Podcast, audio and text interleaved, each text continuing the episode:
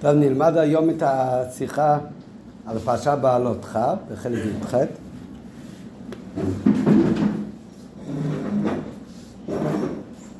הנה, יש כאן. אוהד, יש לך? או. כן, בסוף הפרשה שלנו מסופר שמרים דיברה במשה וכתוצאה מזה מרים נהיה לה צרת ומשה רבינו התפלל עליה, קהל נא רפן עלה ואמר הקדוש ברוך הוא, ויאמר השם אל משה, ואבי הירוק ירק בפניה לא תיכלם שבעת ימים, תיסגר שבעת ימים מחוץ למחנה, ואחת תיאסף. אומר הקדוש ברוך הוא למשה רבינו, כמו מי ש...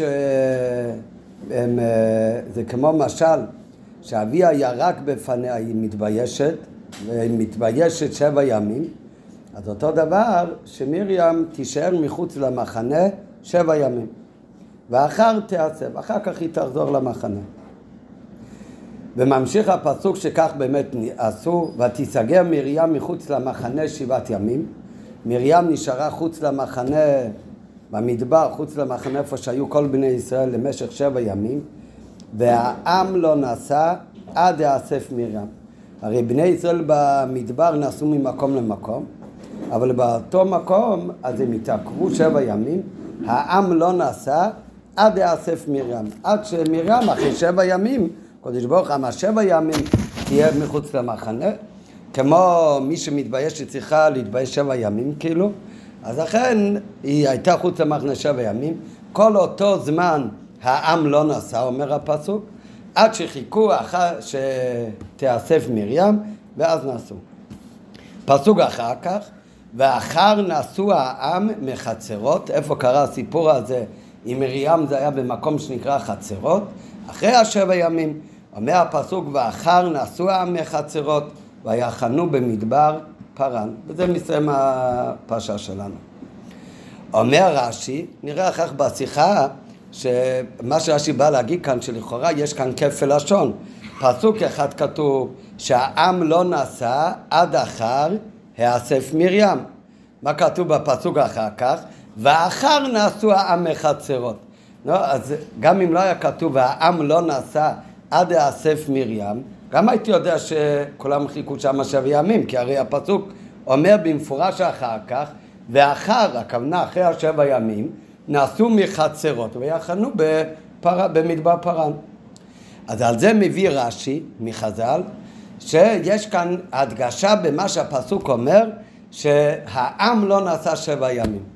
זה לא היה רק טכני שנסעו רק אחר כך, שזה באמת אני יודע מהפסוק אחר כך, ואחר נסעו מחצרות למדבר פרן, אלא זה לא היה רק עניין טכני, אלא זה היה עניין מכוון שהעם לא נסע עד. שתיאסף מרים, עד יאסף מרים. למה באמת? אז אומרים חז"ל שחילקו כבוד למרים לחכות לה שבע ימים, כן? מי שלמד מסכת סוטה בין פסח לשבועות יודע שיש משנה אומרת כל מיני דברים שהם מידה כנגד מידה. קדוש ברוך הוא מתנהג מידה כנגד מידה גם לטובה וגם בעניין של אנשים. אז מה כאן המידה כנגד מידה? שהיה פעם שמרים התעכבה למישהו, למי? למשה רבינו. מתי? אחרי שמשה רבינו נולד והכניסו אותו בתיבה ליאור. אומר שם הפסוק ותתעצב אחותו מרחוק לידע מה יעשה לו. שנעמדה מרחוק מרים לראות מה יקרה שם עם משה רבינו בתיבה. אז היא התעכבה לחכות למשה רבינו. אז מידה כנגד מידה, אז כאן חלקו לה כבוד, וכולם חיכו שבע ימים עד שנסעו. כן, זה אומרים חז"ל. ורש"י מביא את זה אצלנו, רק רש"י מביא את זה קצת בשינוי לשון מאיך שזה מופיע במקור בחז"ל, ולכן כשרש"י משנה זה בוודאי מדויק. ועל זה נלמד את השיחה מבפנים עכשיו. בפירושו בסוף הפרשה, על הפסוק ותיסגר מרים מחוץ למחנה שבעת ימים והעם לא נסע דאסף מרים. מתיק רש"י מן הפסוק את התיבות והעם לא נשא, הוא מפרש, זה הכבוד חלק לה המקום בשביל שעה אחת שנתעכבה למשה כשהוא שלח ליאור, שנאמר ותתצב אחותו מרחוק. אומר, מביא רש"י, שהעניין הזה שהפסוק מדגיש והעם לא נשא, זה כבוד שחילק לה המקום, מה זה המקום?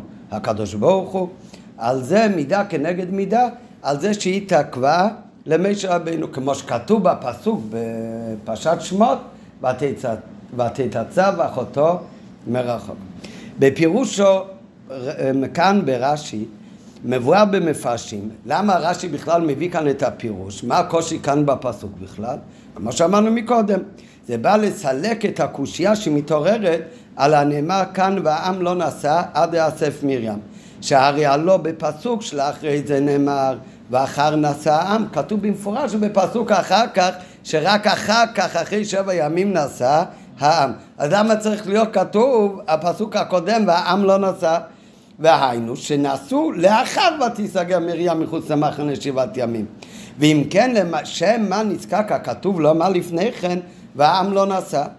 ועל כן מתרץ רש"י שכפילת העניין זה בא להודיענו שהסיבה שהעם לא נשא זה לא היה סתם טכני שנעשו רק שבע ימים אחר כך, אלא הסיבה הייתה באמת קשורה רק בגלל מרים, זה כל הסיבה שהתעכבו שם שבע ימים. שהסיבה והעם לא נשא היה משום כבודה של מרים, וזה הפירוש שמביא רש"י. אבל צריך לומר, מה כתוב בפסוק מי לא נשא? והעם לא נשא עד יאסף מרים. באמת הלשון בחז"ל הוא שמי חיכה למרים שבע ימים ולכן עשו לה ישראל את הכבוד לחכות שבע ימים. רש"י משנה ורש"י אומר הכבוד הזה עשה לה המקום, הקדוש ברוך הוא עשה לה את הכבוד לחכות שבע ימים מידה כנגד מידה. אבל צריך להבין, הרי בפסוק נאמר והעם לא נשא. ולמה רש"י כותב? ומניין לו, ובאמת מאיפה רש"י יודע את זה, שהכבוד הזה זה לא הכבוד שחילק לו העם, אף על פי שהפסוק הרי אומר והעם לא נשא, ומשנה וכותב כבוד זה חילק לה המקום, ובפרט שבכך שינה רש"י מהמקור בחז"ל במשנה, שבאמת במשנה כתוב לפיכך נתעכבו לה ישראל שבע ימים, ולא נתעכב לה קודש ברוך הוא. עכשיו, בלי לראות מבפנים, מה כל אחד יכול להבין כאן לבד. לא, מה יותר קשה? רש"י שאומר שהכבוד חילק לקודש ברוך הוא, או המשנה שהכבוד הזה חילק לעם? אה? במשנה כתוב העם, ובאמת גם בפסוק הרי אצלנו גם כתוב והעם לא נשא עד יאסף מרים. אז מה אתה חושב למה רש"י משנה את זה למקום? כי אין סיבה למה הוא מכפיש את העניין, למה הוא מוצא את העניין, הוא אומר בהתחלה... אמ, הנה, טל, מה אומר טל? מי החליט במדבר מתי נוסעים ומתי חונים? מה, אמה החליט? לא, ענני הכבוד. גם זה הרי מסופר בפרשה שלנו באריכות. כשענן עלה, אז ידעו שהולכים לנסוע. כשענן נעצר, אז ידעו שחונים באותו מקום. נו, אז העם מתעכב לשבת, מה זה היה תלוי בהם? מה זה הרי הכל תלוי בקודש ברוך הוא. נכון שבפועל מי שחיכה לו כל השבע ימים זה היה כל העם, כולם נשארו שם באותו מקום. אבל זה הכל הרי. היה תוצאה מזה שענן לא עלה. ולכן בפשטות, אז זה, זה טל אומר בפשטות בלי לראות אפילו בשיחה. שלמה רש"י, אם כבר יש שאלה למשנה, אבל זה שרש"י אומר שכבוד זה חילק לה המקום, בוודאי כי הנסיעות והחניות זה תלוי במקום ולא בבני ישראל. בפשטות אפשר לומר שהרי כל הנסיעות והחניות של בני ישראל לא היו תלויות בהחלטתם של ישראל מתי לנסוע ומתי לחנות, אלא כמו שכתוב מקודם בפרשה ולפי העלות ענן מעל האוהל ואחרי כן נסעו בני ישראל ובמקום אשר ישכון שם הענן שם יחנו בני ישראל. הכל היה תלוי בענן וממילא מובן שנכון כתוב בפסוק שהעם לא נסע עד יאסף מרים אבל במי היה תלוי שהעם לא נסע? שזה שהעם לא נסע אז עד יאסף מרים זה הכל היה תלוי מפני שלא נעלה ענן השם אז מי חילק לה את הכבוד? כבוד זה חילק לקודש ברוך הוא מידה כנגד מידה אלא ברש"י, בפשטות, רק רגע, אז מה באמת הפירוש במשנה שהכבוד הזה חילק לישראל? כן, אז בפשטות, איך, איך אפשר להבין את זה? פשוט מאוד, הרי בפסוק מה כתוב? והעם לא נסע. מה ההדגשה והעם לא נסע?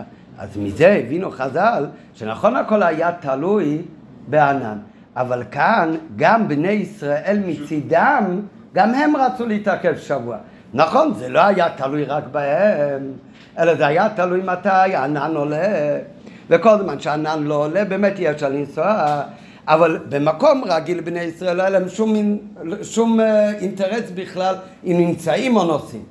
במקום הזה, והעם לא נסע, בני ישראל באמת לא רצו לנסוע, כי באמת הם חילקו כבוד למרים לחכות שבע ימים. נכון, זה היה תלוי לא רק בהם, אלא בעיקר בענן. אבל חז"ל הבינו מזה שהפסוק אומר והעם לא נסע, שגם העם נתן לו את הכבוד. ואם ככה, מזה שרש"י כאן משנה ממה שכתוב במשנה, וכותב כבוד זה חילק לה המקום, משמע שרש"י בא להדגיש שזה היה תלוי אך ורק במקום. זה בכלל לא קשור לבני ישראל. אלא שבדברי רש"י משמע יתל כן.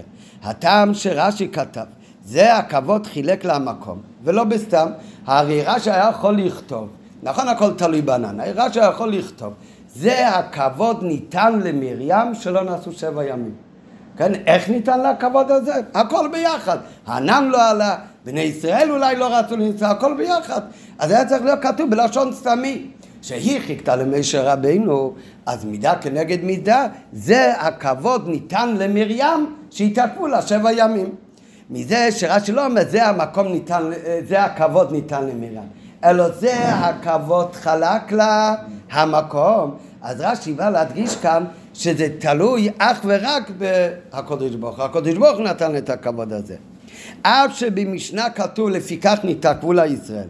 והרי גם לפי המשנה מובן שהדבר היה תלוי בעלות הענן. המשנה גם יודעת שזה תלוי בענן, אלא על פי המשנה ההקבה הייתה גם מצד בני ישראל, לא רק מצד ענן, גם בני ישראל רצו לך, כלומר, בני ישראל אף הם רצו להמתין. מה שאין כן לפי פירוש רש"י, הסיבה היחידה שלמה התעכבו שמה, הסיבה היחידה היא רק שחלק לה מקום כבוד. היינו עמידת הענן, ולא משום שגם בני ישראל רצו בכך. אבל דחוק, דחוק, דוח הגדול יש בדבר. מאיפה באמת רש"י לוקח את זה שזה היה תלוי אך ורק רק בגלל המקום שנתן את הכבוד. הרי הלשון בפסוק, כל הלימוד הוא מהעיטור שבפסוק, והעם לא נסע עד יאסף מרים. הרי בפסוק נאמר והעם לא נסע ותו לא. אז למה לנו לפרש הפך פשוטו של מקרא, שלבני ישראל מצד עצמם לא היה בכלל רצון להתעכב, אלא זה היה תלוי אך ורק במקום חילק לה את הכבוד. עוד צריך להבין, זה הכל שלו על הפירוש ברש"י, מה הדגשה? הכבוד הזה חילק לה המקום דווקא, ולמה הוא משמיד בכלל לבני ישראל אף על פי שכך כתוב במקום. עוד צריך להבין, מהי המידה כנגד מידה? אומר רש"י, כי מרים התעכבה למשה רבינו. איפה זה היה? בסיפור שהכניסו אותו ליאור. מה אומר רש"י? שהכבוד הזה ניתן למרים שנתעכבה למוישה כשהושלך ליאור שנאמר ותתעצב אחותו מרחוק. למה רש"י צריך להגיד כאן את כל האריכות הגדולה הזאת? רש"י יכול להגיד זה היה שכר על זה שמרים התעכבה למוישה כמו שכתוב ותתעצב אחותו מרחוק. כן, מה זה שנתעכבה מרים למוישה כשהוא שלח ליאור. בסדר, אם הוא אומר, כמו שכתוב, ותתעצב אחותו מרחוק, אבל למדנו חומש שמות, אז יודעים שזה היה כשהכניסו אותו ליאור. לא היה עוד מקום שכתוב שמרים נמדה מרחוק אה, לחכות לו. אז לשם מה מוסיף רש"י כשהוא הושלך ליאור? וגם בתוכן, למה נפקא מינא, למה נפקא מינא, מה היה הסיפור שמה שהיא חיכתה לו? למה נפקא מינא, מתי הייתה אותו שעה אחת שהתעכבה למוישה? היה לו לרש"י לומר, כדברי המשנה סתם, וגם זה רש"י משנה מהלשון המשנה. המשנה אומרת שזה מידה כנגד מידה, כי מרים המתינה למוישה שעה אחת שנאמר ותתעצב באחותו. ושם המשנה לא אומרת כשהושלך ליאור. אתה יכול גם לבדוק איפה זה קרה, אבל זה הרי לא נוגע לעניין, העיקר שהיא התעכבה לו. ב', למה אמרתי רש"י לא רק, הרי רש"י גם מספר לנו איפה זה היה, איפה? שהוא שלח ליאור. מה ההוכחה? איפה היא חיכתה לו שמה? איפה זה כתוב בפסוק? ותתעצב אחותו. הכניסו את התיבה ליאור, כולם הלכו הביתה, סומכים על הקודש ברוך הוא, ומרים לא הלכה הביתה, מרים נשארה שמה לראות מה קורה. אז מאיפה כתוב שהיא התעכבה בשביל מוישה? באיזה מילים? ותתעצב אחותו. המילה ברחוק זה הרי בכלל לא נוגע לכאן, למה נפקא מינה, איפה המתינה לו? קרוב ליור או רחוק מהיור? מה זה משנה? העיקר שהיא המתינה לו. אז רש"י, הרי כל מילה זה מדויק, אז למה הוא מעתיק מהפסוק גם את המילה מרחוק? ורש"י לא מסתפק במילה מרחוק, אלא ג' לא די בכך, אלא רש"י מוסיף על זה גם את המילה וגומר. מה זה וגומר? וההמשך, תסתכל גם מה שכתוב שם בהמשך הפסוק. וזה הרי לכאורה כבר לגמרי לא משנה, מה זה המשך הפסוק? שהגיעה בת פרעה לרחוץ ביאור, והיא לקחה את התיבה וחיפשה מנקד, והילד לא רצה להעניק מאף אחד. ו... אבל כל המשך הסיפור זה כבר לא קשור לכאורה לזה שמרים התעכבה שעה אחת למשל לראות מה קורה איתו. זה הרי לומדים מהבתי תצב אחותו. ומה בכלל ההדגשה מרחוק? ורש"י לא מסתפק מברחוק אלא מוסיף וגוימר, סימן שנוגע לנו כאן להבנת העניין, גם כל המשך הסיפור. ולמה נפקא מן ההמשך כאן? להבין כל הנעל, יש להקדים ולבאר עניין הכבוד שנחלק כאן למרים בהתעכבות זו. מה זה בכלל הכבוד שרש"י אומר שזה שלא נעשו שבע ימים, כולם חיכו לה, אז בזה מתבטא שחילקו למרים כבוד. ולמה הגיע לה הכבוד הזה? כמידה כנגד מידה, כי היא כיבדה את משה רבנו שהיא חיכתה למשה רבנו. לא, אז מה משמע מכאן? שזה שכולם לא נעשו שבע ימים וחיכו למרים, כן, בני ישראל והקודש ברוך הוא, לפי רש"י העיקר זה תלוי הכל בקודש ברוך הוא. אז מה יוצא? זה עניין של, של כבוד. מה זה? זה עניין של כבוד? מה היה קורה אם לא היו מתעכבים שם שבע ימים? נו, אז היו ממשיכים לנסוע, ומי הייתה נשארת במקום. כן, הרי אם, ממה נפשך? אם הייתה יכולה ללכת עם כולם, כן, אז מה הכבוד? למה חיכו לה? אז היו יכולים לנסוע, וגם היא תלך איתם. אלא מה הכוונה? מה זה הכבוד שהמתינו לה? שאם היו נוסעים, היא הייתה צריכה להישאר באותו מקום לכאורה, מחוץ למחנה. שנראה בהערה זה כתוב, לא ברור כל כך למה באמת. אבל נגיד, אז היא הייתה נשארת במקום. נו, אם הייתה נשארת במקום, אז מה היה יוצא מכך? שאין כבוד למרים? זה הבעיה כאן. אם כל נמצאים במדבר גדול ונורא, נחש צרב ועקבים מסתובבים שם. כן, לבני ישראל לא קראו כלום, הם היו מוקפים ענני הכבוד. מרים איפה הייתה כאן? יצאה מחוץ למחנה, והייתה קרוב למחנה. אם לא היו מתעכבים, אלא הם ממשיכים לנסוע, אז היא הייתה נשארת שבע ימים, בודדה במדבור. אז מה חסר כאן? כבוד לא יהיה לה. זה הבעיה כאן, זה פיקוח נפש. כן? אלא מה, היא הייתה אולי יכולה ללכת עם כולם, אז זה לא פיקוח נפש, אז איזה כבוד היה שחיכו לה, שילכו וגם היא תלך. ופשוט לא יכלו ללכת. למה באמת לא יכלו ללכת? אז הרב מביא בהערה שכנראה זה שיכלו ללכת כי מהצורעת היא הייתה גם חלשה, כנראה בפשטות. זה הרי ב... ב הם, אה, לא כתוב כאן הדינים של טומאה וטהרת המצורע. כן, כאן זה משמע, זה היה איזה, על זה שהיא דיברה במי שהיא נענשה בצרת, והקדוש ברוך אמר לה שתחכה שבע ימים. נראה אחר כך בהמשך השיחה שזה הכל תלוי, זה הדינים של טומאה וטהרה של המצורע גם, כתוב בפרשת מצורע, אבל זה הרי לא מפורש בפסוק, בפסוק בפסוק כתוב שהקדוש ברוך הוא אמר אבי הירוק ירק בפניה שבעת ימים, שבינתיים שתשאר עושה מחנה שבע ימים. אז כשהיא נחלטה בצרת, אז זה גרם לה גם חול, חולשה לגוף, ולכן היא לא הייתה יכולה גם ללכת. ולכן אם בני ישראל נשארו במקום, אז היא מחוץ למחנה לידם. אבל אם היו הולכים, הייתה נשארת לבד. אם הייתה נשארת לבד, זה הפך הכבוד. אז זה הכבוד שחילקו לה. שואל הרב, זה הפך הכבוד אם היו הולכים.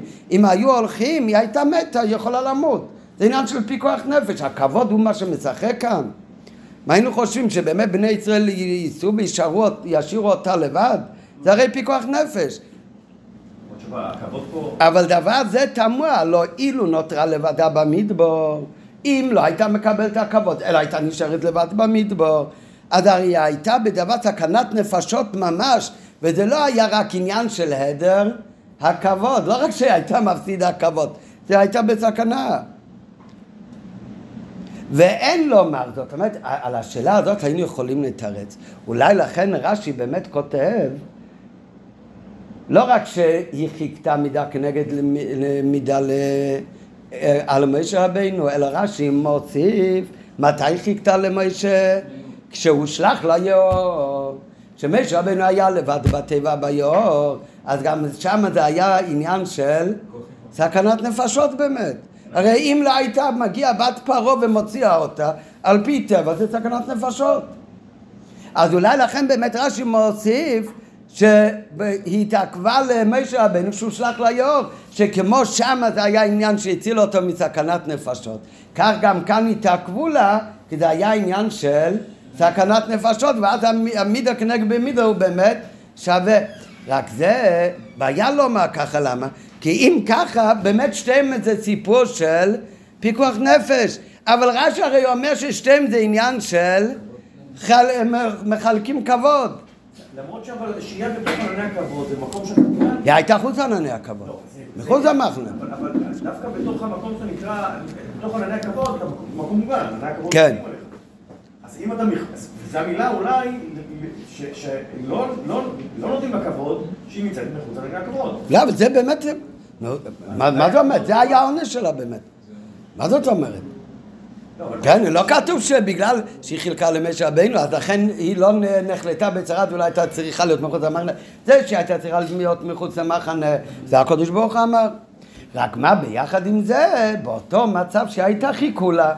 וזה, אז אנחנו היינו יכולים לומר שנכון זה עניין של פיקוח נפש, אבל באמת גם הסיפור של משה רבינו היה עניין של פיקוח נפש. אבל זה לא מתרץ את השאלה למה? כי הרי בפעיל רש"י וכך גם במשנה במסכת סוטה כתוב שזה הכבוד הגיע לה, מידה כנגד מידה, זה שחיכתה למשה רבנו. לא מוזכר בכלל העניין של פיקוח נפש. ואין לומר שלכן רש"י מזכיר כאן, כשהוא שלח ליאור להדגיש שזה היה מידה כנגד מידה, שכמו השש נתעכבה למשה, היה עניין של פיקוח נפש, כי הוא היה מושלך בתיבה ביאור, כך גם היה אופן השכר שגמל הקדוש ברוך הוא למרים גם כן עניין להציל אותה מפיקוח נפש, לא תישאר לבד במדבור. כי לפי זה לא היה רש"י צריך לומר שכבוד זה חילק לה מקום. הרי זה לא רק כבוד, היה צריך להגיד שהקדוש ברוך הוא הציל אותה וזה שכולם חיכו, והיא הייתה, גם אם הייתה מחוץ למחנה, אבל הייתה לו כל הפחות קרובה אליהם, וזה הוא הציל אותה בדיוק כמו שהיא הצילה את משה רבנו. והביאו בזה, ועל זה מגיע עכשיו הביאו שהרב מסביר שבפשטות אם היה נוסע, נגיד רק נקודה אחת מזה קודם בעל פה, אחר כך נראה בפנים. מה היה הדין אם הענן היה עולה וכל בני ישראל היו נוסעים. כן? אז מה, מירם הייתה נשארת במקום הקודם? אז הרי פיקוח נפש. אז מה מירם הייתה עושה? הייתה גם הולכת איתה. כן, זה, בכלל לא שאלה. אז לא, לא, לא, לא, לא, לא. מי, אומר שהייתה חלשה? אנחנו מקודם הבנו שהתעכבו כדי לא להשאיר אותה לבד במדבור. אם הסיבה זה לא להשאיר אותה לבד במדבור, אז על זה מגיעה השאלה שזה הרי פיקוח נפש. אלא על זה מגיע עכשיו הביאור שלא היה כאן שום עניין של פיקוח נפש אצל מרים. כי גם אם הם היו נוסעים, אז גם היא הייתה נוסעת. הייתה נשארת מחוץ למחנה אולי, כן, במסע זה לא היה כל כך המחנה, אבל הרי נסעו כולם ביחד, והיא הייתה נוסעת מאחורה, כן, כמו במחנה, הייתה מחוץ למחנה, הייתה נוסעת מאחריהם, כן, אבל זה, לכן זה לא היה פיקוח נפש. אלא זה רק עניין של כבוד. כדי שלא ייסעו ככה, חילקו לה כבוד והתעכבו באותו מקום שבע ימים. במה מתבטא הכבוד? למה נפקא מיניה? למה נפקא מיניה? אם היא כאן מחוץ למחנה, או שהיא הולכת כל הזמן איתם, רק מאחורי כולם. אז על זה מגיע הביור, זה עיקר הביור כאן בשיחה, והרבי יסביר את זה אחר כך גם על דרך הלכה ובנוגע לכל דיני טומאת צרת, שיש בזה דין של הרי המצורע, הדין שלו שהוא חייב להיות, לא מוצאים את זה בשום טומאה אחרת, שיש דין רק מצורע, בדד ישב מחוץ למחנה מושבו. אז בפשטות, גם אצלנו, הפסוק, הקדוש ברוך אמר למשה רבינו, שאבי הירוק ירק בפניה, לא תיכלם שבעת ימים, לכן גם תיסגר שבעת ימים מחוץ למחנה. בפשטות התיסגר מחוץ למחנה שבעת ימים, זה היה, בזה היה תלוי הדין של טהרת המצורע, כמו המצורע צריך להיות שבע ימים מחוץ למחנה, והרבי ידייק את זה גם מרש"י, שרש"י אומר אחר כך, מה זה הלשון ואחת תיאסף אל המחנה? כל מקום במצורע כתוב לשון אסיפה זה לשון אחרי ימי עטרה יכול להיכנס בחזרה. אז זה יעשה מלשון כניסה, אז זה דין של מצורע. דין של מצורע הוא צריך להיות מחוץ למחנה, בדד יישב מחוץ למחנה מושבו. גם אצל מירום, זה שהקדוש ברוך הוא אמר, הלא תיכלם שבעת ימים שהיא תהיה מחוץ למחנה, זה היה באותו דין כמו בהלכות מצורע, שהוא צריך להיות מחוץ למחנה שבעת ימים, ורק אז, אם עובר ההצהרת, הוא יכול לחזור למחנה. עכשיו, מה הדין? המצורע, הוא צריך להיות מחוץ למחנה. כשבני ישראל היו ב... ב... הדין לדורות, מה זה חוץ למחנה שהמצורע צריך להיות? ב... בארץ ישראל, כשבני ישראל היו כאן, היה צורה בזמן בית המקדש, מה היה הדין של מחוץ למחנה מושבו? כן, מחנה שכינה זה בית המקדוש, מחנה לוויה זה הר הבית, וירושלים זה מחנה ישראל. מה, המצורע לא רק היה אסור לו להיות בבית המקדוש, היה חייב לצאת בכלל מחוץ לירושלים, מחוץ למחנה מושבו, בדד ישב. אותו דבר במדבור, כשבני ישראל היו במדבר, גם היה הדין הזה. אם יש מישהו מצורע, הדין הוא צריך לצאת מחוץ למחנה, חוץ למחנה מושבו. מה זה המחנה שהיה במדבר? אז אומר רש"י גם בחומש, אבל למדנו שהמשכן עצמו המשכן עצמו עם הקלעים מסביב, זה מחנה שכינה. המח... איפה ששכנו הלווים זה היה מחנה לוויה.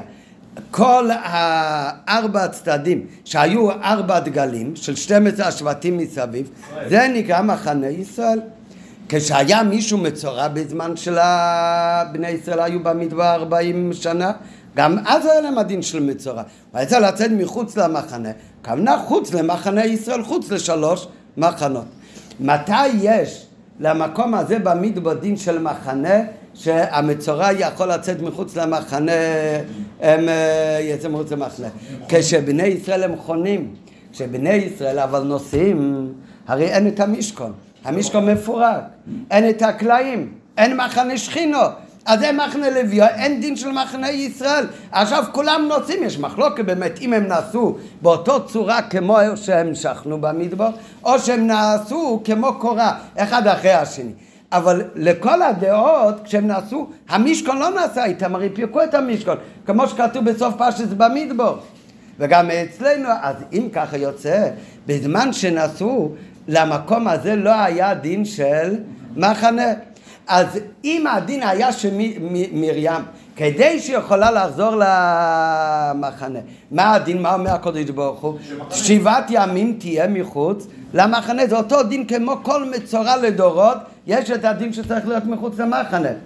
אם הם שוכנים באותו מקום במדבר עכשיו שבע ימים, לא נעשה אז מיד השבע ימים האלה שעובר להצהרת, אז היא נמצאת מחוץ למחנה, אחר כך היא מיד יכולה לעזור למחנה. אבל אם היו נוסעים, היא לא הייתה נשארת לבד באותו מקום ומגיע לפיקוח נפש, חס וחלילה. לא. אם זה היה המצב, לא, זה לא כבוד שחיכו לה, זה פשוט הצלת נפשות שחיכו לה. אלא מה, היו נוסעים, גם היא הייתה נוסעת איתם. אבל כל הימים שנוסעים, הימים האלה לא יכולים לחשב לשבע ימים שהיא צריכה להיות מחוץ למחנה, כי בזמן המסע אין לבני ישראל דין של מחנה, כי כשאין מחנה שכינו, אין דין של מחנה לוי או מחנה ישראל. וזה הכוונה, המקום חילק לכבוד. מה זה המקום חילק לכבוד כאן? זה שענן לא עלה ושהם לא נסעו, כך יכלה מיד לעשות את הספירה של השבע ימים מחוץ למחנה ולחזור יותר מהר פנימה. אילו מה זאת אם היא הייתה, אם היו נוסעים, אז לא היה פיקוח נפש, אבל היה לוקח יותר זמן עד שיכולה בחזרה לחזור למחנה, למה? כי הימים שנוסעים לא מצטרפים לשבע ימים שצריכה להיות מחוץ למחנה, כי בזמן המסע אין למקום הזה דין של מחנה. וזה זה הדיוק שזה לא פיקוח נפש, מה שחיכו לה. זה שנשארו באותו מקום שווים, זה עניין של כבוד. במה מתבטא הכבוד? כבוד מתבטא בזה שתמהר ימי הטהרה שלה, שיותר מהר יכולה להיכנס לתוך, לתוך המחנה. ובהמשך לביו הזה הרבי יביא מזה גם כמה נפקא מיני שיכול להיות להלכה לפי הדין הזה. והעיקר לפי זה גם מובן מה כאן העניין שהפסוק מדגיש הכבוד הזה חילק לה המקום, זה לא משנה, כי לא בא להדגיש כאן שעצם העניין זה שהתעכבו זה מראה שנותנים לה כבוד. כן, בפשטות מה לומדים? זה שכולם ישבו וחיכו זה כאן הכבוד. נו, אם זה כאן הכבוד, מי חיכה לה באמת? לא רק השכינה, גם כל העם. כאן העניין זה הכבוד, זה לא זה שחיכו לה. הכבוד זה זה שלא היה מסע, ומכיוון שלא היה מסע זה עניין הלכתי. לכן יותר מהר עברו השבע ימים שהלכתי צריכה להיות מחוץ למחנה. וזה הכוונה הכבוד הזה חילק לה מקום. הקדוש ברוך הוא אמר ציווי שהיא צריכה להיות מחוץ למחנה, אז הקדוש ברוך הוא דאג שמיד עכשיו יכול להיות שבע ימים ברציפות דין של מחנה. איך יכול להיות דין של מחוץ למחנה שבע ימים ברציפות? רק אם יהיה כמחנה. מתי יש כמחנה? אם לא נוסעים. אם הכבוד היה, וזה, הכבוד מתבטא כאן בזה שהיא יכלה למהר את ההתרה ואת הכניסה לכל מחנה ישראל. אם הכבוד היה מתבטא בעצם לחכות לה, בסדר, אז באמת, המשנה אומרת, כל בני ישראל חיכו לה. גם, או, גם אם זה היה תלוי בענן, אבל כולם גם רצו לחכות לה. כאן העניין זה הכבוד, זה לא מה שחיכו לה. הכבוד זה שיכלו, מיהרו את הכניסה שלה למחנה ישראל. וזה היה תלוי בקודש ברוך הוא. הרב שמריק, אבל אם המחנה עכשיו הולך, לצורך העניין זה לא מחנה. כן. עכשיו בני ישראל בתנועה זה לא מחנה. אוקיי, אם זה לא מחנה, היא יכולה להיות בתוך העם. אולי, לא, כי כתוב שני דברים. כתוב מחוץ למחנה, כתוב בדד ישב, מחוץ למחנה מושב. עדיין יש עניין של בדד ישב, נראה את זה אחר כך בפנים, נכון. והביאו בזה, נראה עכשיו בעוד ד', זה נקודת הביאו של השיחה. והביאו בזה מדברי הקודש ברוך הוא תיסגר שבעת ימים מחוץ למחנה ואחת תיאסף מובן שרפואת מרים ואחת תיאסף שיכולה אחר כך בחזרה להיכנס. היה תלוי בהיותה מוסגרת כנדרש שבעת ימים מחוץ למחנה. מחוץ לשלוש מחנות. והרי תואר וגדע מציר של מחנה וממילא גם של הסגר מחוץ למחנה לשון חניה שייך בנידון זה רק בשעת חנייתן. כמו שרש"י כבר הסביר מקודם, שתוך הקלעים היה מחנה שכינה, חניית הלווים סביב זה מחנה לוויה, ומשם ועד סוף מחנה הדגלים זה היה מחנה ישראל. מה שאין כן בשעת נסיעתן, הרי לא היה מחנה שכינה כי לא היה קלעים ולא היה משכון. אז לא חל על כך התויה מחוץ למחנה, לא היה בכלל את התויה של מחוץ לשלוש מחנות. לפיכך, אילולא המתינו בני ישראל במחנה במשך שבעת ימי ההסגר של מרים, אז פשיטה שלא הייתה נותרת לבדה במדבר, זה פיקוח נפש, הייתה נוסעת איתם, והייתה גם היא ממשיכה עמם בדרך. יכול להיות שהייתה ממשיכה איתם בדרך מחוץ לכולם. אבל בוודאי שהייתה ממשיכה איתם בדרך. הרי כיוון שבאופן זה לא היה מתקיים הציווי של תיסגר שבעת ימים מחוץ למחנה, כי בימים האלה הרי התבטל גדר מחנה, אז כתוצאה מכך יימשך הזמן יותר עד שתעשה. ואז זה היה לוקח יותר משבע ימים עד שיכולה לחזור. שהרי זמן הנסיעה אינו עולה לחשבון שבעת ימי ההסגר. והרע הרב אומר, זה לא רק שהימים של הנסיעה לא היה עולה לשבע ימים, אלא יכול להיות שהיה בכלל מבטל גם את הימים הקודמים, ובחנייה הבאה הייתה צריכה להתחיל עוד הפעם שבע, למה? כי שבעת ימים זה לא מוכרח, אבל יכול להיות, אומר הרב בהערה שהרי שבעת ימים זה יחידה של שבעת ימים, זה לא שבע ימים, שבעת ימים זה יחידה אחת של שבעת ימים שהם צריכים להיות ברצף. ואז יוצא בכלל, לא רק שהימים שהם הלכו, לו הם היו הולכים, לא היו מצטרפים לשבע ימים, אלא זה היה גם מבטל את הימים, אה, איך, מאפס את זה, והייתה צריכה עוד פעם איך שלא יהיה, בטוח שזה היה לוקח יותר משבע ימים. כדי שהמינימום שיכולה להיכנס בחזרה למחנה בזמן הכי מוקדם שאפשר, זה אך ורק שישארו במקום ברצף של שבעת ימים. וזהו באמת התוכן של הכבוד שחילק למקום. שכל בני ישראל נתעכבו שבעה ימים נוספים בחנייה הזו כדי שקיום תיסגר שבעת ימים מחוץ למחנה יתחיל לאלתר שמיד עכשיו אפשר להתחיל לספור ברצף את השבע ימים שמחוץ למחנה. לפי הביו הנ"ל אם זה הביו בדברי רש"י לפי זה מובן למה זה לא עניין של פיקוח נפש. מובן גם מה כאן עניין של כבוד. והכבוד זה לא רק עצם הדבר שחיכו לה אלא הכבוד הוא בזה שעשו את זה מיד עכשיו וזה ממהר את הטהרה שלה אז אם זה הביאור ברש"י, אפשר ללמוד מזה גם עניינים מופלאים שקשורים להלכה. לפי ביאור הנ"ל רואים אנחנו כיצד אפשר ללמוד מפירוש רש"י עניין, עניינים מופלאים גם בהלכה. הלכה תיאסף. אומר רש"י, הרי כשלומדים כאן את הפסוק, אז לא רואים במפורש שהשבע ימים מחוץ למחנה זה קשור להלכות טומאת צרת.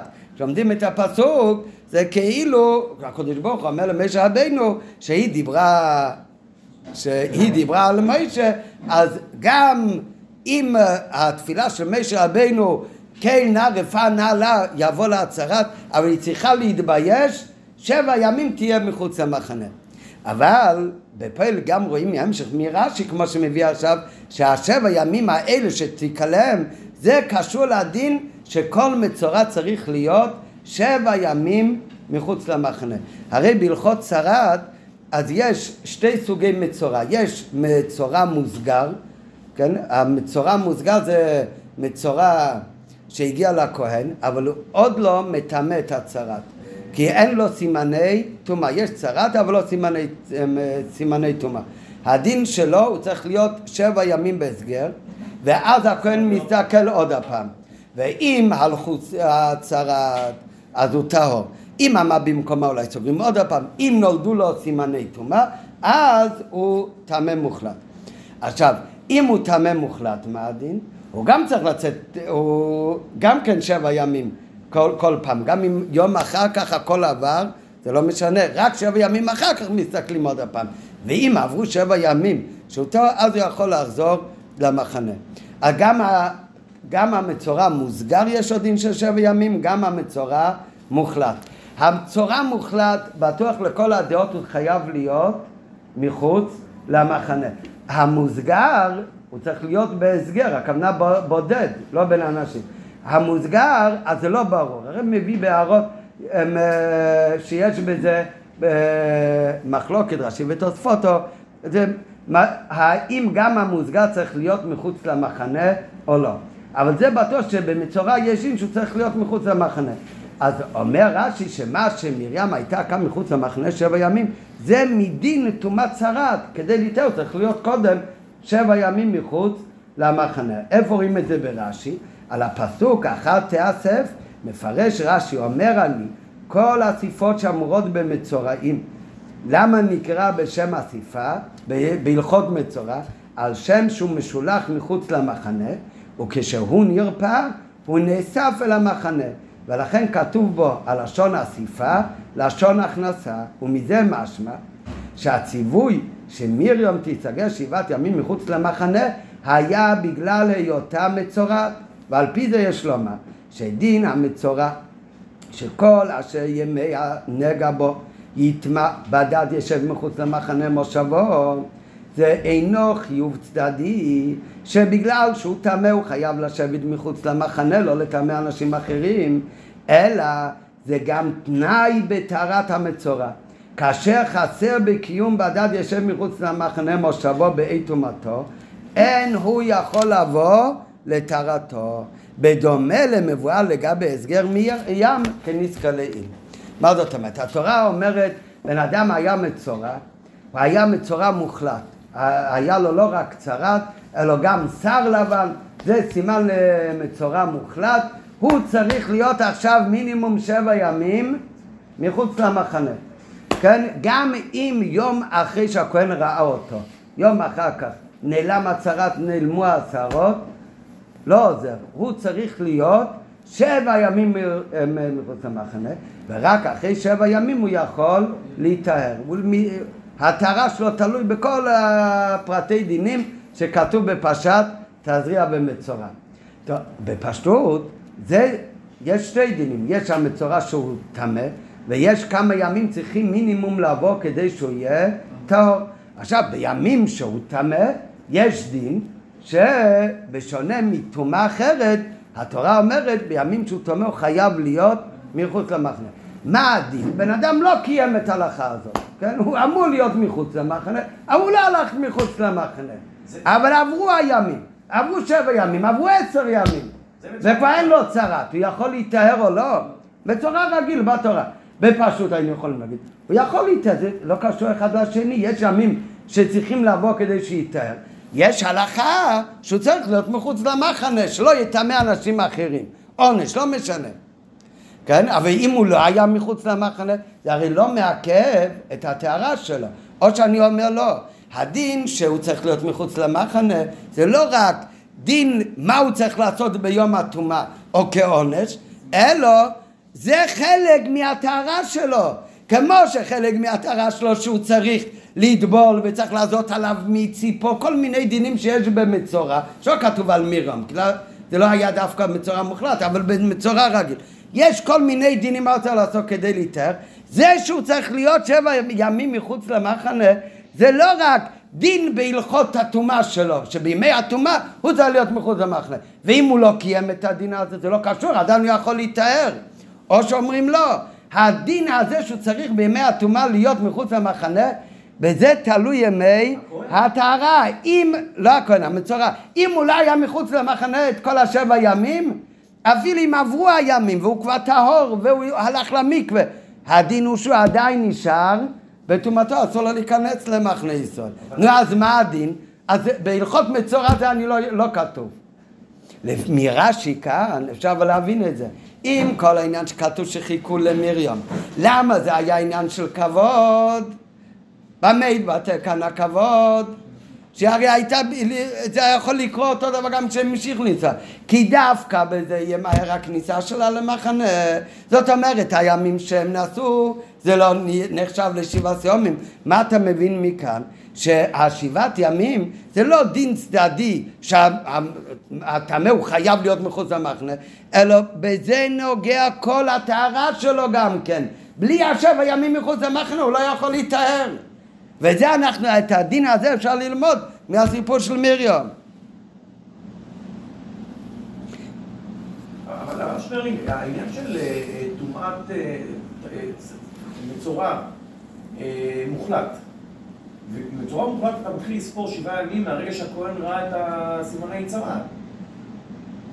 מה, מה? בצורה מוחלט אתה מתחיל לספור שבעה ימים מהרגע שהכהן ראה את סימני הצרה. כן. אם כהן לא ראה סימני צרה, אז כביכול אתה לא מתחיל לספור. לא, נו. זאת אומרת, אם בן אדם עכשיו לצורך העניין... ראה, ראה, ראה. למה לא? כי אם הוא לא ראה, אם בן אדם עכשיו... ראה, ראה, הוא הגיע לכהן, הכהן טימא אותו, אומר לו, תצא עכשיו מחוץ למחנה. אחרי שבע ימים כשהוא חוזר לכהן, או הכהן חוזר אליו, ועכשיו הוא בסדר, אז מתרים אותו והוא חוזר למחנה. מה הוא עשה בשבע ימים האלה? הוא התגנב הביתה או לא, זה משנה לנו? לכאורה לא. עכשיו מכאן משמע שכן, בוודאי. אם הוא לא היה כל השבע ימים מחוץ למחנה, אז הוא לא יכול אחר כך להיכנס למחנה. הוא צריך כדי להיטהר. חלק מתהליך הטהרה שלו זה תלוי בשבע ימים שיהיה מחוץ למחנה. ככה היה במרים. אז ככה זה גם בכל מצורע. זה לא, זה לא לגמרי ככה בכל מצורע. למה? במרים מה כתוב? מה הקדוש ברוך הוא אמר למרים? שבעת ימים תיסגר מחוץ למחנה ואחר תיאסף. במצורע, מה לשון בפסוק? ישב בדד מחוץ למחנה מושבו. כתוב שתי דברים. אז שם השאלה מהו העיקר? התשב בדד או מחוץ למחנה מושבו. נפקא אלא שבנוגע למצורע כיוון, נדלג על הסוגריים, אמרתי מקודם, כי זה תלוי מחלוקת אם במוסגר יש גם העניין של שבע ימים מחוץ למחנה. אלא שבנוגע למצורע, כיוון שנאמר בו, ישב מחוץ למחנה, בדד ישב מחוץ למחנה מושבו, יש מקום לדון, מהו העיקר? האם העיקר זה הקיום של בדד ישב? מדד ישב זה הצד השלילה, כוונה שלא יהיה במחנה, אלו יישאר בדת, אפילו כשהוא מחוץ למחנה, או שמה שנוגע זה הצד החיובי, שיהיה מחוץ למחנה דווקא. כן? למה זה נקרא חיובי וזה נקרא שלילי? פשוט מאוד, אם העיקר זה בדד ישב, אז אה, זה שהוא מחוץ למחנה, זה לא העניין כאן. העניין זה שהוא יהיה בדד, במחנה הוא לא יכול להיות בדד. לכן, בדד ישב מחוץ למחנה מושבו. העיקר כאן זה רק לא להיות במח... ב... זה עניין שלילי, שלא יהיה עם כולם, אלא צריך להיות בדד. איפה זה יתקיים? מחוץ למחנה. או שאומרים לא, שיש כאן עניין חיובי, שההדגשה זה שהוא יהיה דווקא מחוץ למחנה. ונפקא מיניה, במצב שבו לא ייתכן עניין מחוץ למחנה, אבל כן אפשר לקיים את הבדד ישב. אז יש להסתפק אם הדבר מעכב אותו מלהיטהר. כן, עדיין אפשר ללמוד ממרים, שאם הוא לא יושב בדד זה מעכב אותו. אבל במצורע, מכיוון ששם כתוב בדד ישב מחוץ למחנה מושבו, אולי שם זה לא הדגשה העניין החיובי שיהיה מחוץ למחנה, אלא העיקר שלא יהיה עם אנשים, בדד ישב. או שאני אומר, לא, לא, לא, מחוץ למחנה מושבו, זה לא רק שלא יהיה עם אנשים, בשביל הבדד ישב, אלא זה העניין החיובי כאן, הוא צריך להיות דווקא מחוץ למחנה. הנפקא מינא, נגיד, הרי במיום לא כתוב בדד ישב, אבל נגיד שנוסעים ואין עכשיו מחנה, אבל הוא עדיין יכול לקיים את הבדד ישב. אז במקרה כזה, במצורע רגיל, אז זה יכול להיות ספק. האם אני צריך להקפיד שהשבע ימים הוא קיים את הבדד ישב במקרה שאין מחנה, הוא יכול גם לקיים את זה. כמובן, אם יש מחנה, מתי הוא יקיים את הבדד ישב? רק שיהיה מחוץ למחנה, אם לא, הוא לא בדד. אבל אם אין מחנה, עדיין יכול לקיים את הבדד ישב. או שאני אומר לא, המחוץ למחנה מושבו זה לא רק עניין שלילי, כדי שלא יהיה עם אנשים, שיהיה בדד, אלא זה עניין חיובי, הוא צריך שיהיה מחנה וצריך שהוא יהיה מחוץ למחנה. ואז גם אם הוא היה בדד, אבל הוא לא היה מחוץ למחנה, זה לא עולה לו לשבע ימים. טוב, ועל פי זה, אבל עדיין, זה דבר בטוח, גם אם במצורע רגיל אפשר לחקור אם ההדגשה היא הבדד או מחוץ למחנה, אבל עדיין אפשר לראות מכאן, ממרים ללמוד, שכאן בטוח העניין היה העניין החיובי להיות מחוץ למחנה דווקא, שזה לא עניין צדדי להיות מבודד מחוץ למחנה, אלא בזה תלוי הטהרה שלו. ולכן כשנעשו במדבר ולא היה מחנה, אז אם היו נוסעים, אז הימים האלה לא היו יכולים לחשב כספירה, והיו צריכים לספור אחר כך שבע ימים. ועל פי זה נמצא שהעניין הזה נוגע גם בזמן הזה ללאחר למעשה. למה? דיני של טומאת וטהרת המצורע הם רק בזמן שבית המקדש קיים או גם בזמן הזה. כתוב בהלכה, שה... כתוב בתורה שהטומאת צרת זה רק כשיש בית המקדוש? לא. אה, איך אתה יוצא ממחנה... אה? מה זה, אתה אומר אנחנו כולנו טמאי מת? טוב, אבל עדיין יש עוד דינים, לדוגמה שצריך להיות משבע ימים מחוץ למחנה. מה זאת אומרת? יש... אבל חוץ מזה, גם אחרי שהיה בית המקדוש, אחרי חורבן בית המקדוש, אז עדיין היה איפה של פרה אדומה, אנשים יכלו להיות טהור, והם היו טהורים, לא היו טמאי, בהתחלה לא היו כולם טמאי מת אוטומטי. והיו עדיין שומרים דיני טומאה וטהרה גם כן. אז זה יכול להיות גם דין טומאת אה, וטהרת המצורע. גם אחרי בית שני. אה? מתי מה? מה הפרה אדומה? מה? לא, כשלא היה בית המקדש לא יכלו לעשות פרה אדומה חדשה, אבל היה עדיין מהאפר של פרה אדומה. כן, דיברנו על זה פעם, אבל זה לא, לא נגע לכאן. הדין של טומאת צרעת, לא, זה לא ממצוות התלויות בבית המקדוש, זה לא מהמצוות התלויות בבית. כן, למה כולם מסתכלים עליי? כי כולם יודעים שכתוב בלקוטי תרא שעניין הצהרה זה לא סתם מחלה, אלא זה מעשה, הם, אה, עניינים משמיים, ולכן זה היה רק בזמן הבית ואין עכשיו. נכון, בפועל זה אין את זה עכשיו. אבל מן התורה לא כתוב. הרמב"ם גם כותב, הרמב"ם כותב זה מעשה ניסים שהיה בזמן הבית. כן? זאת אומרת שאחר כך אין את זה. אז בפועל אין עכשיו אה, טומאת צרת. אבל הדין הוא שטהרת מצורע זו נוהגת בארץ ובחוץ לארץ בין בפני הבית בין שלא בפני הבית. מיד בהערה 36 הוא כמובן מציין שאבל תראה ברמב"ם בהלכות טומאת צרת בסופו שעניין צרת זה אינו ממנהג של עולם. לא כמו היום יש כל מיני קורונה. סוגים של, אה, של אה, כתמים על האור, מחלות עור, זה לא דבר ממנהגו של העולם, אלא אות ופלא היה בישראל. מה זה היה בישראל? זה היה פעם, זה היה בזמן הבית. הובא בלקוטי תרא תזריע ומפרש מצוות נגעים אינו נהוג בזמננו אחר חורבן שאינה, מפני שאינן מצויים כלל, אלא מעשי ניסים הם. טוב, גם, גם, תראה, הרב, שנייה רגע שאלה, סליחה. אם, לצורך העניין, בוא נגיד, ישמור השם היה עדיין צרת. אז אין לך פה אבל מחנה, שאתה יכול לצאת מהמחנה. לא, נראה. הנה, הנה, ולפי זה יש מקום לשאלה. לפי הדעות של דין וקדושת מחנות ירושלים אינו שייך בזמן הזה. אם בזמן הזה אין דין של קדושת ירושלים, אז אין דין של מחנה, האם יוכל מצורע לבוא לטהרתו לאחר החורבן? אם העיקר זה הבדד ישב, לא צריך להיות עניין של מחוץ למחנה מושבו. מספיק העניין שהוא בדד ישב, שלא יהיה במחנה. אז נמצא שדין הטהרה יכול להיות גם בזמן הזה. למה? נכון שאין מחוץ למחנה, כי ירושלים אין לו היום את הדין, המ- המקום של בית המקדוש, כתוב הקדושה נשארה לעולם. אז יש אולי מחנה שכינו, אבל אין מחנה ישראל, את הגדר של מחנה ישראל. אז אי אפשר לבוא לידי תא, אבל זה תלוי, אמרנו מקודם שבמצורע לדורות, שלמה הוא עיקר, הבדד ישב או המחוץ למחנה מושבו. אם זה רק עניין שלא יהיה עם אנשים, ההדגשה היא בדד ישב, המחוץ למחנה זה פשוט עניין שלילי, שלא יהיה עם אנשים. אבל העיקר זה שהוא יהיה לבד בדד, אז עדיין הם, אה, הם יכול לבוא לידי טהרה.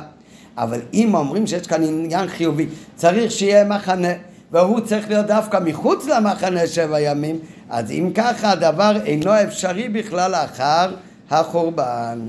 ואפילו אם תמצא לומר שבזמן הזה מאחר שכל מציאות המחנות אינן קיימות, מכיוון שאין את המושג של אה, מחנה, אז אולי גם נגיד שבזמן הזה יש את הדין של אה, טהרת המצורע.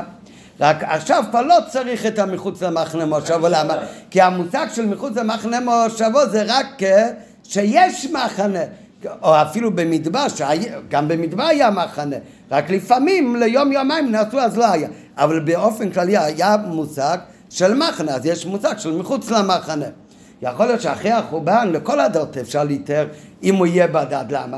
כי גם אם נגיד שיש עניין חיובי שצריך להיות מחוץ למחנה, במה דברים אמורים? כשקיים מחנה, כשלא קיים כל המושג של מחנה, אי אפשר בכלל לתבוע ממנו שיהיה עניין של מחוץ למחנה, אז זה אולי לא מעכב את הטהרה.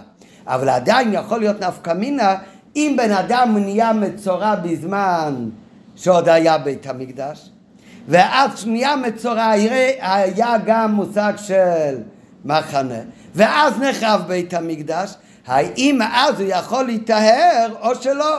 כי עליו כבר חל הדין של מחוץ למחנה שבעת ימים.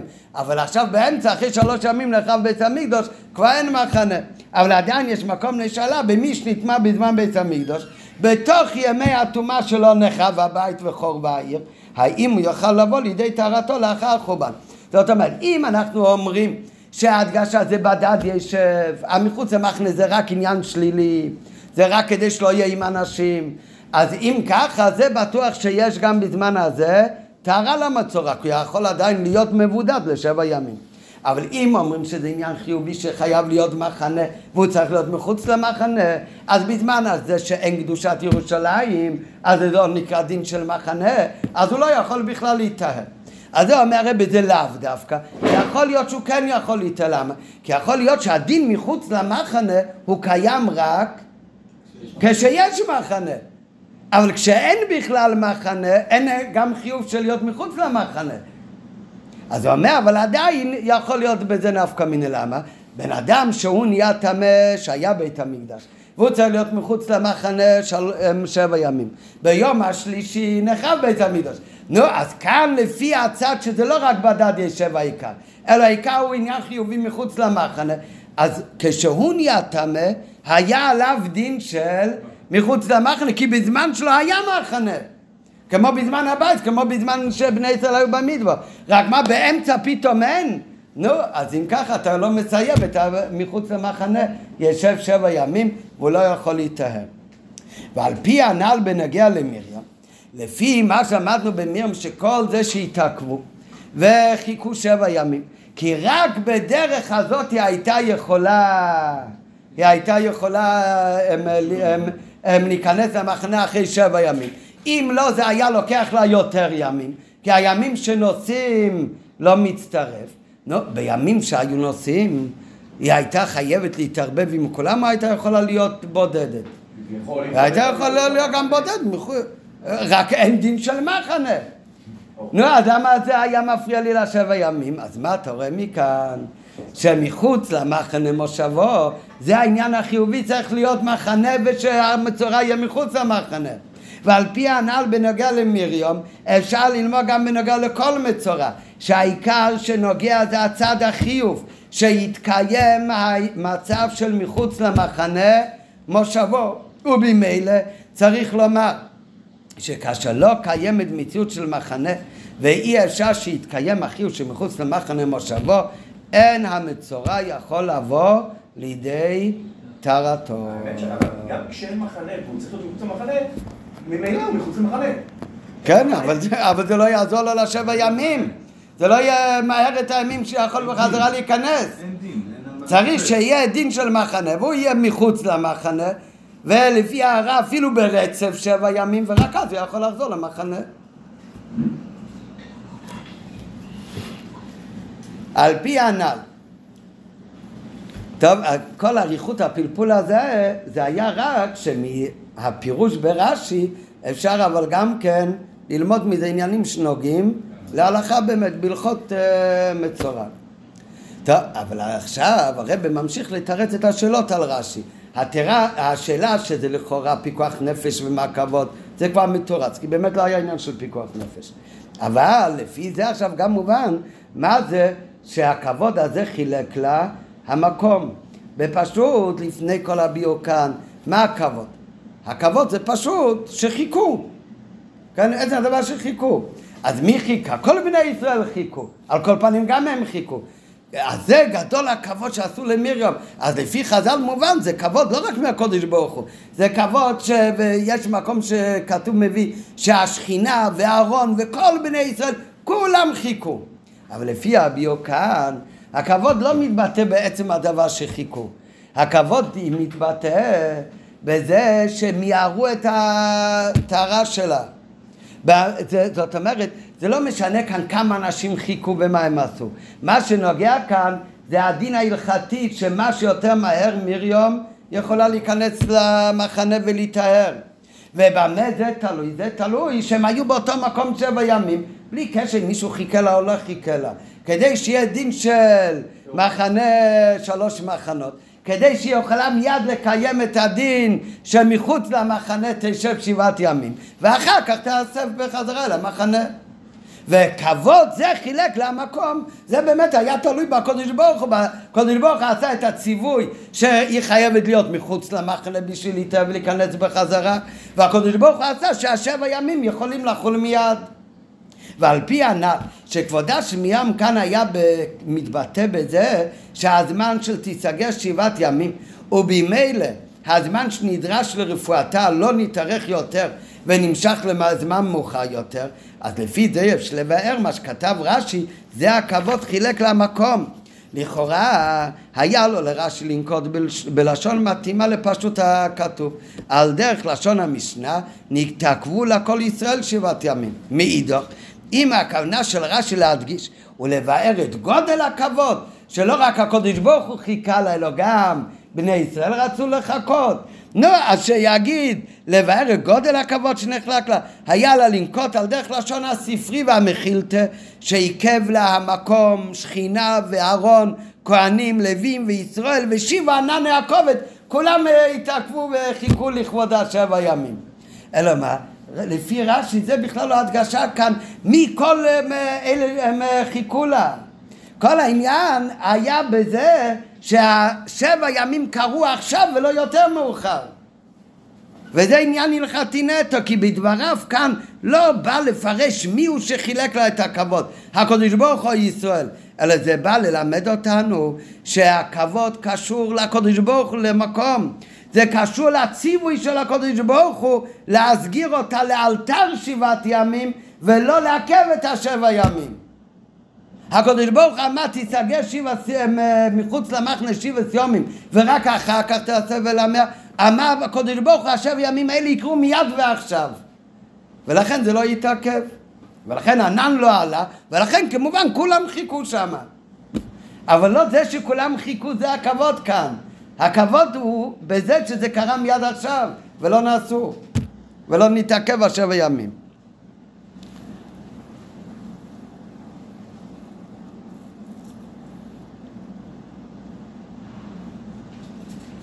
טוב, אז השאלות האלה כבר מתורצות. אחד מהשאלות שהיה בהתחלה בשיחה, שלכאורה זה עניין של כבוד, זה הרי פיקוח נפש. נו, אז מה, מה כל הביור עכשיו? שזה באמת לא עניין של פיקוח נפש. אם הם היו הולכים, אף אחד לא חושב שמרים הייתה נשארת לבד במקום, זה פיקוח נפש הרי. היא גם הייתה הולכת. ולא היה קורה לה כלום. אלא מה? היא הייתה הולכת אולי ליד כולם. כן? אלא מה? זה לא היה מצטרף לה לשבע ימים. זה כל החידוש, זה כל הביור כאן. לא, אבל אם ככה נשאלת השאלה עכשיו, הפוך. הרי המשנה אומרת שכל העניין כאן זה עניין של מידה כנגד מידה. מידה. שמרים חיכתה למשה רבינו, וכנגד זה המקום חילק כבוד עכשיו למרים. אז באמת מה שקרה כאן עכשיו זה לא היה לפיקוח נפש. כשמרים נעמדה למשה רבינו, אבל זה הרי היה עניין של פיקוח נפש. הוא היה מושך לבד ביור בטבע. אז אם ככה, מה כאן המידה כנגד מידה אצל בני ישראל שחיכו השכינה והקדוש ברוך הוא כל עניין זה שמיה כאן עכשיו היו שבע ימים זה עניין של קשור לכבודה של מרים ולא לעניין של פיקוח נפש של מרים אבל זה שהיא חיכתה למשה רבנו זה עניין שהיה קשור לכבודו של משה רבנו או לפיקוח נפש של משה רבנו זה פיקוח נפש אז איפה כאן המידה כנגד מידה? והשאלה היא כפולה, נראה בפנים. אלא שאפשר להקשות על כל הביאה הזה, היכן יש כאן את המידו כנגד מידו? הכבוד שחלק, למי, למק, שחלק למקום כנגד שעה אחת שהתעכבה למשה. הרי בשעה היא זה היה עניין שנוגע לפיקוח פיקוח נפש של משה רבנו שהיה מושלך ליאור. ובמה מהווה הכבוד שחלק למקום עכשיו איך זה מידו כנגד מידו גמול, איך זה מהווה את הגמול ואת השכר שאמור להיות דומה ומתאים למאורע עשתה. מה מגיע לה לכאורה? שכר יותר גדול או פחות? יותר. אפשר להגיד לשתי הכיוונים. מצד כיוון אפשר להגיד שזה שהיא זה, זה הרבה פחות אה, חידוש, למה זה פחות חידוש? כי זה לא רק לכבוד, זה צריך להציל אותו. מה, מי לא ילך להציל יהודי? מה זאת אומרת? כן, אז לא מגיע לה בכלל כזה כבוד אולי. או מצד שני, אפשר גם להגיד הפוך, כן, מגיע לה הרבה יותר. היא הצילה כאן את משה רבינו. נו, מה היא מקבלת על זה קצת כבוד? נכון, כבוד זה דבר גדול, אבל איך כאן זה הגמול? לכן השאלה יכולה להיות לשתי אופנים, והקושייה היא לשתי הקצוות. מצד הפעולה גופה ותתצב, זה עניין של הצלת נפשות, שזה מעניינים נעלים ביותר, ומה התשלום שכר שנותנים לו? כבוד גדול ככל שיהיה, זה הרי לא באותו מידה, היא לא קיבלה בחזרה. היא עשתה צולס נפושת, זה הדבר הכי גדול. מה היא קיבלה בתמורה? חילק לה מקום כבוד. מאידך, אפשר גם להגיד הפוך, ההתעכבות מרים נשתה זה לא כזה חידוש, זה חובה מובנת מאליה גם לאדם פשוט ביותר, הרי מדובר בהצלת נפוש של ילד, ובפרט לא סתם להציל ילד אלא אחי הבשרה. אז מהי קומש מלון? וכאן מה השכר? נותנים לה משהו הרבה יותר ממה שחייבים לעשות. כולם מתעכבים מקבע הקודש ברוך הוא עבור כבודה את כל בני ישראל ביחד עם המשכן לזמן ארוך ביותר לשבע ימים. אז לשתי הקצוות אה, אה, השאלה שזה לכאורה לא מתאים זה השכר הזה שהיא נענדה לעומת מה שהיא קיבלה ולכן מוכרחים לומר שבאמת גם מה שמרים עמדה זה היה עניין של היא חילקה לו כבוד ולא עניין של הצלת נפשות למה זה לא היה עניין של הצלת נפשות? לכן מתיג רש"י ותתעצב אחותו מרחוק. היא עמדה מרחוק, מה זה? אם אתה מפחד מהצלת נפשות, היא יכול לגבור. אז היה צריך לעמוד מה שיותר קרוב ליאור. היא נעמדה מרחוק. היא נעמדה מרחוק, שם לב, מסכן הילד שם אותו בתיבה בתוך היאור, כולם הלכו הביתה. והיא לא יכלה ללכת הביתה, היא התעכבה שם בלי כבודו. ולכן מעתיק רש"י ותתעצה והחצי מרחוק, שזה באמת גם לא היה עניין של הצלת נפשות. אז זה עניין של כבוד, אז זה מידו כנגד מידו. לפיכך מעתיק רש"י מן הפסוק גם את המילה מרחוק, היינו שההתעכבותה לא הייתה קשורה להצלה של מישה. שאז הרי לא מובן מה כאן המידו כנגד מידו, שהרי היא עמדה מרחוק ולא הייתה יכולה להועיל במאומה. והרי מביא בהערה, זה גם מדויק בפסוק, היא נעמדה מרחוק ותתעצה וחצי מרוחק, מה המשך הפסוק? לדעה מה יעשה לו. מה? הפסוק אומר, היא עמדה שם לדעת מה יקרה, לא בשביל להציל אותו. היא לא הייתה גם יכולה להציל אותו. לא, לא, זה, זה כתוב מרוחק. וגויים הזה נראה עוד מעט, זה על כל המשך הסיפור. וממילא אין כל קושייה.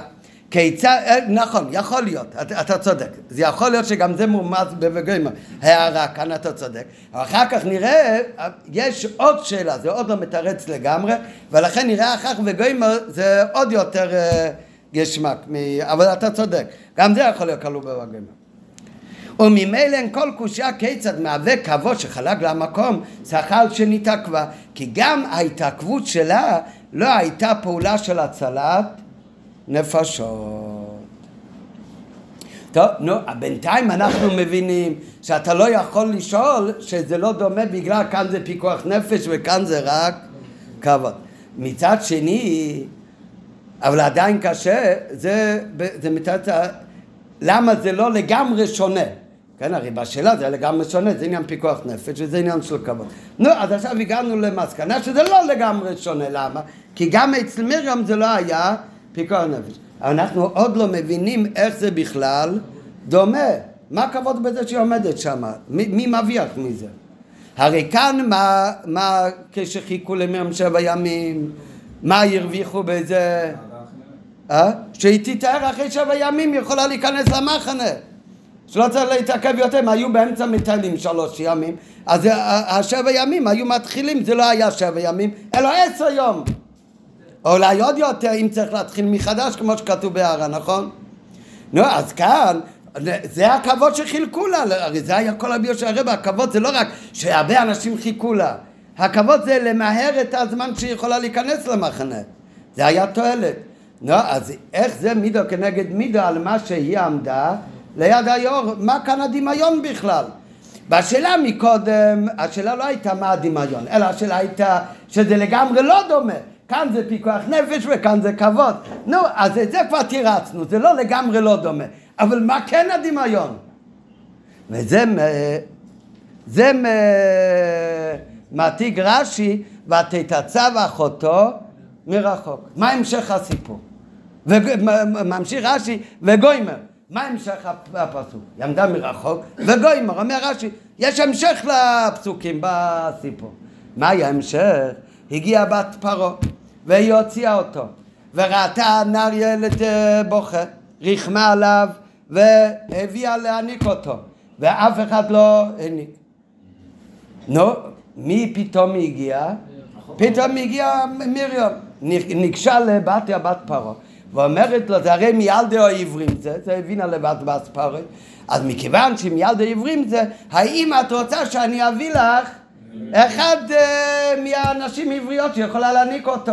ואז אומר כן, ואת מי הלכה להביא? את אמא שלה, את יוכבד, והביאה לה בחזרה את הבן, משה רבנו והיא העניקה אותו.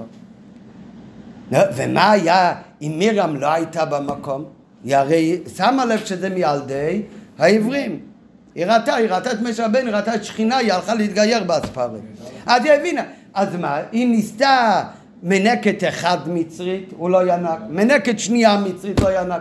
נו, מה היא הייתה עושה? בסוף היא גם לבד הייתה למסקנה שאם היא רוצה שהתינוק יאכל, צריך להביא אישה יהודייה. היה לב... היא, הייתה מגיעה למסקנה הזאת לבד והייתה מביאה עם היהודייה והייתה מניקה את הילד. אלא מה?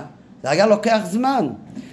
מרים היא כבר הייתה שם במקום ולכן ברגע שהיא ראתה שהילד לא מניק היא מיד הלכה ואמרה לה אולי אני אביא לך אחד מהנשים עבריות ואז היא הלכה, היא הלכה כעלמה הלכה במהירות מביא רש"י והלכה לקרוא את האימא שלה אז מה היה התועלת של זה שבתי תתבה זה מרוחק? למהר להביא את האימא של משה רבנו ש... אז מה יוצא מכאן? זה ממש מידו כנגד מידו אותו דבר היא מיהרה לגמור את הצער של מישר רבינו ובזכותה ותתצה ואחרי מרוחק. זה הכבוד שעשה למישר רבינו זה גרם למהר להפסיק את הצער שלו. שיותר מהר יהיה כאן האימא שתניק אותו. אז כנגד זה מידו כנגד מידו התעכבו שבע ימים באותו מקום כדי למהר לגמור את הצער של מירם שמיד תוכל לבוא למחנה. אה? בכלל לא היה פיקוח נפש, פיקוח נפש, אם השם ישמע משהו קורה על פי טבע מירם לא הייתה יכולה להועיל. לא, העניין של האוכל... מי שהציל, מי שהציל זה היה בתיה בס פרו. לא, אז פיקוח נפש הייתה מביאה עברייה. היא הרי הבינה שזה מילדו עברים. לא, הוא לא הלך למות. מה זאת אומרת? לא כתוב שמשה רבנו הלך למות מרעב. אה? היא מיהרה את האימא. לא כתוב שאם לא הייתה מגיעה רוכבת בשעה חמש ורק בשבע, הוא היה מת, למה לא? לא כתוב שזה לא היה פיקוח נפש. אלא, אלא שמאחר שעדיין אפשר לחשוד סוף סוף מה היה שייכות בין תוכנו של כבוד זה לכך שניתק כבר למשך שעה אחת והרי מן הלשון מרחוק מדבר רק שלו היה זה עניין של פיקוח נפש. אבל אין הדבר מלמד על צד שווה ביניהם. על כן מוסיף רש"י וגמר שכן המשך הכתוב בפרשה שם מוסיף בהבנת העניין. בכתוב שם מסופר התועלת שבאה על ידי צבא חסר מרוחק לדעת מה יוצא לו שכאשר בא באספרי לרחץ על היוער היא ראתה נער בכר ותחמול עליו ביקשה להגיע אותו ולא עלה בידה ואז מה היא עשתה? ותאמר אחותו אל בת פרעה. מרים יצאה מאיפה שהיא התחבאה ועמדה מרחוק והיא הגיעה לבת פרי ושאלה אלך לו חשם מנקס מן העבריות ותניק לו ילד ותאמר לו בת פרי לכי ותלך העלמה מה זה ותלך העלמה? מרים בזריזות ועלמות.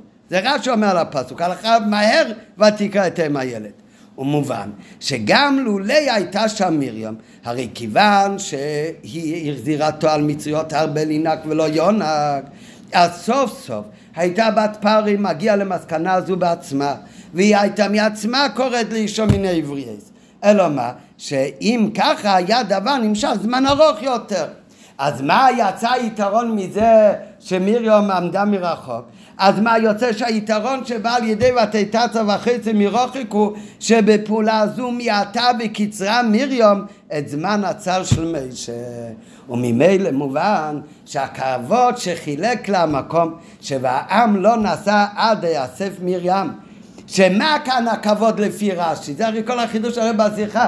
כבוד זה לא סתם שאנשים חיכו, אלא שבזה מיהרה שצערה, שכדי שהצער של תיסוג השיבה ציון מחוץ למחנה יסתיים מהר ככל האפשר, אז זה ממש מידו כנגד מידו בשביל שעה אחת שנתעכבה מרים למשק שהוא שלח ליאור שגם זה היה בשביל מה היה שם התועלת למהר רגע אחד קודם את הפסקת הצד של מישה רבינו. עד כאן זה סוף של הביור של אה, רש"י. המשך זה מיינו של טרו של פירוש רש"י. נמשיך פעם הבאה. טוב, אבל זה, זה, זה שכל אלוקי, זה... ממש לא, הכל, התורה של הרבה זה תרא סמד, זה לקוץ, אבל רואים כזה דבר, זה... אז זה מה שאתה עושה מחר?